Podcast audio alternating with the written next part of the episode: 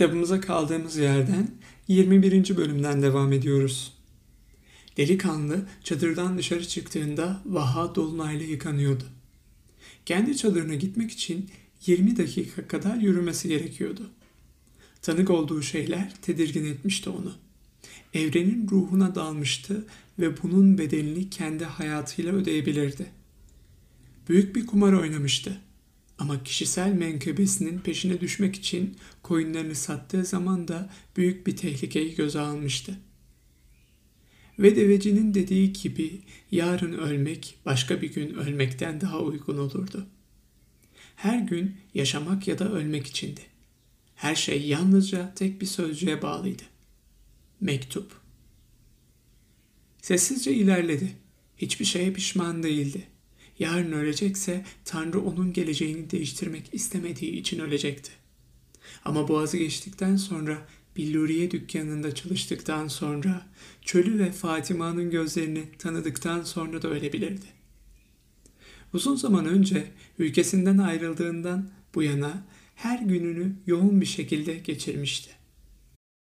Ertesi gün ölecek olursa gözleri açık gitmezdi.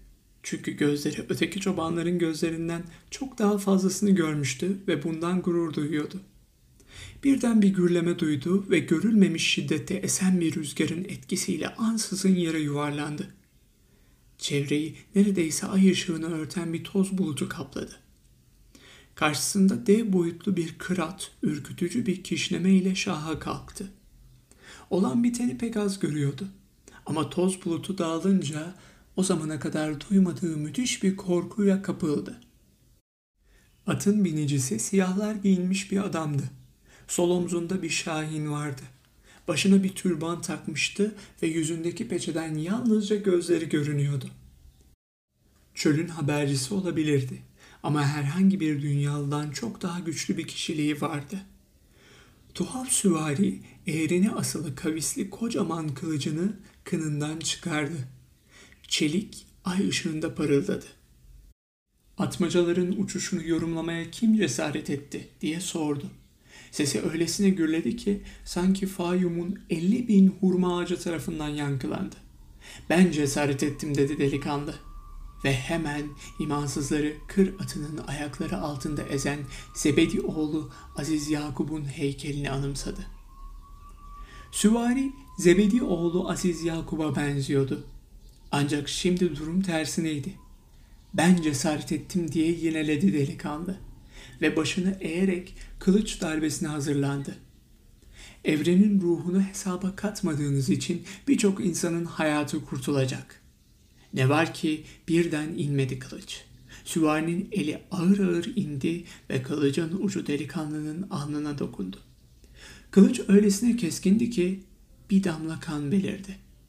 Süvari taş gibi kımıldamadan duruyordu. Delikanlı da öyle. Kaçmak aklına bile gelmemişti. Yüreğinin derinliklerinden garip bir neşe yayıldı içine. Kişisel menkıbesi için ölecekti ve Fatima için. Uzun sözün kısası simgeler doğruyu söylemişti. İşte düşmanla karşı karşıya bulunuyordu ve madem ki evrenin bir ruhu vardı, öyleyse ölüm vız gelir tırıs giderdi. Kısa bir süre sonra onun parçası olacaktı. Ve yarın düşman da onun parçası olacaktı. Yabancı kılıcın ucunu hala delikanlının alnında tutuyordu. Kuşların uçuşunu neden yorumladın? Ben yalnızca kuşların anlatmak istedikleri şeyi okudum. Bahayı kurtarmak istiyorlar. Siz ve sizinkiler hepiniz öleceksiniz. Vaha'nın adamları sizden daha fazla. Kılıcın ucu hala delikanlının alnında duruyordu. Sen kim oluyorsun da Tanrı'nın yazdığı yazgıyı değiştirmeye kalkışıyorsun? Allah orduları yarattı ama o kuşları da yarattı. Allah bana kuşların dilini öğretti. Her şey aynı el tarafından yazılmıştır, dedi delikanlı. Devecinin sözlerini anımsayarak. Sonunda süvari kılıcını geri çekti. Delikanlı içinde bir rahatlama hissetti. Ama kaçamıyordu.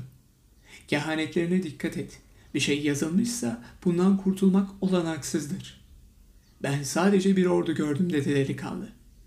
Süvari delikanlının yanıtından hoşnut kalmış gibiydi. Ama kılıcını hala elinde tutuyordu. Bir yabancı, yabancı bir ülkede ne yapıyor diye sordu. Kişisel menkıbemi arıyorum. Senin anlayabileceğin bir şey değil. Süvari kılıcını kınına soktu ve omzundaki şahin tuhaf bir çığlık attı. Delikanlı sakinleşmeye başladı. Cesaretini sınavdan geçirmem gerekiyordu, dedi süvari. Cesaret, evrenin dilini arayan bir kimse için en büyük erdemdir. Delikanlı şaşırmıştı. Bu adam pek az insanın bildiği şeylerden söz ediyordu. Asla gevşeklik göstermemeli. Çok uzaklardan gelinse bile diye sürdürdü konuşmasını. Çölü sevmek gerekir ama hiçbir zaman ona tamamen bel bağlamamalı. Çünkü çöl insanlar için bir denek taşıdır. Hepsinin adımlarını hisseder ve dalga geçeni öldürür. Sözleri yaşlı kralın sözlerini andırıyordu. Savaşçılar gelirse ve başın güneş battıktan sonra hala yerinde duruyorsa beni görmeye gel, dedi süvari. Biraz önce kılıcı tutan el bir kırbacı kavradı. At yeniden şahlanarak bir toz bulutu kaldırdı. Nerede oturuyorsunuz? diye haykırdı delikanlı süvari uzaklaşırken. Kırbaçlı el güney yönünü işaret etti. Delikanlı böylece simyacıyla tanışmış oluyordu. Ertesi sabah Fayum'daki hurma ağaçlarının ortasında 2000 silahlı adam vardı. Daha güneş başucu noktasına yükselmeden ufukta 500 savaşçı göründü. Süvariler Vaha'ya kuzeyden girdi. Görünüşte sanki barışçı bir seferdi ama silahlarını beyaz maşrakların altına gizlemişlerdi. Vaha'nın ortasında bulunan büyük çadırın yanına gelince palalarını ve tüfeklerini ortaya çıkardılar ve boş çadıra saldırdılar. Vaha'nın adamları çöl süvarilerini çembere aldı. Yarım saat içinde ortalığa 499 ceset dağılmıştı. Çocuklar hurmalığın öteki ucundaydılar ve hiçbir şey görmediler. Kadınlar çadırlarında kocaları için dua ediyordu ve onlar da hiçbir şey görmediler. Ortalığa yayılmış cesetler olmasaydı, Baha'nın sıradan, olağan günlerinden biri olduğu söylenebilirdi. Yalnızca bir savaşçıya dokunulmadı. Saldırganların komutanına.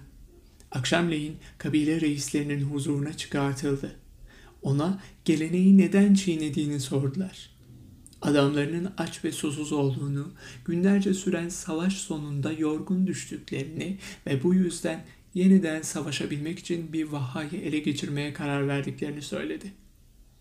Vaha'nın baş reisi savaşçılar için üzüldüğünü ancak koşullar ne olursa olsun geleneğe saygı göstermek gerektiğini bildirdi. Çölde değişen tek şey vardı. Rüzgar estiği zaman kumullar. Sonra baş reis, düşman reisi onur kırıcı bir ölüme mahkum etti. Boynu vurulmak ya da kurşuna dizilmek yerine kuru bir hurma gövdesine asıldı adam. Cesedi çöl rüzgarında sallanmaya bırakıldı. Kabile reisi yabancı genci toplantı yerine çağırdı ve ona 50 altın verdi. Sonra bir kez daha Yusuf'un Mısır'da başına gelenleri anımsattı ve delikanlıdan bundan böyle Vaha'nın müşaviri olmasını istedi. Bu bölümün sonuna geldik. Bir sonraki bölümde görüşmek üzere. Geceyim olarak sizler için Şeker Portakalı kitabını da seslendirdik. Dilerseniz bu listeye Şeker Portakalı kitap seslendirmesi adıyla arayarak ulaşabilir ve hemen dinlemeye başlayabilirsiniz.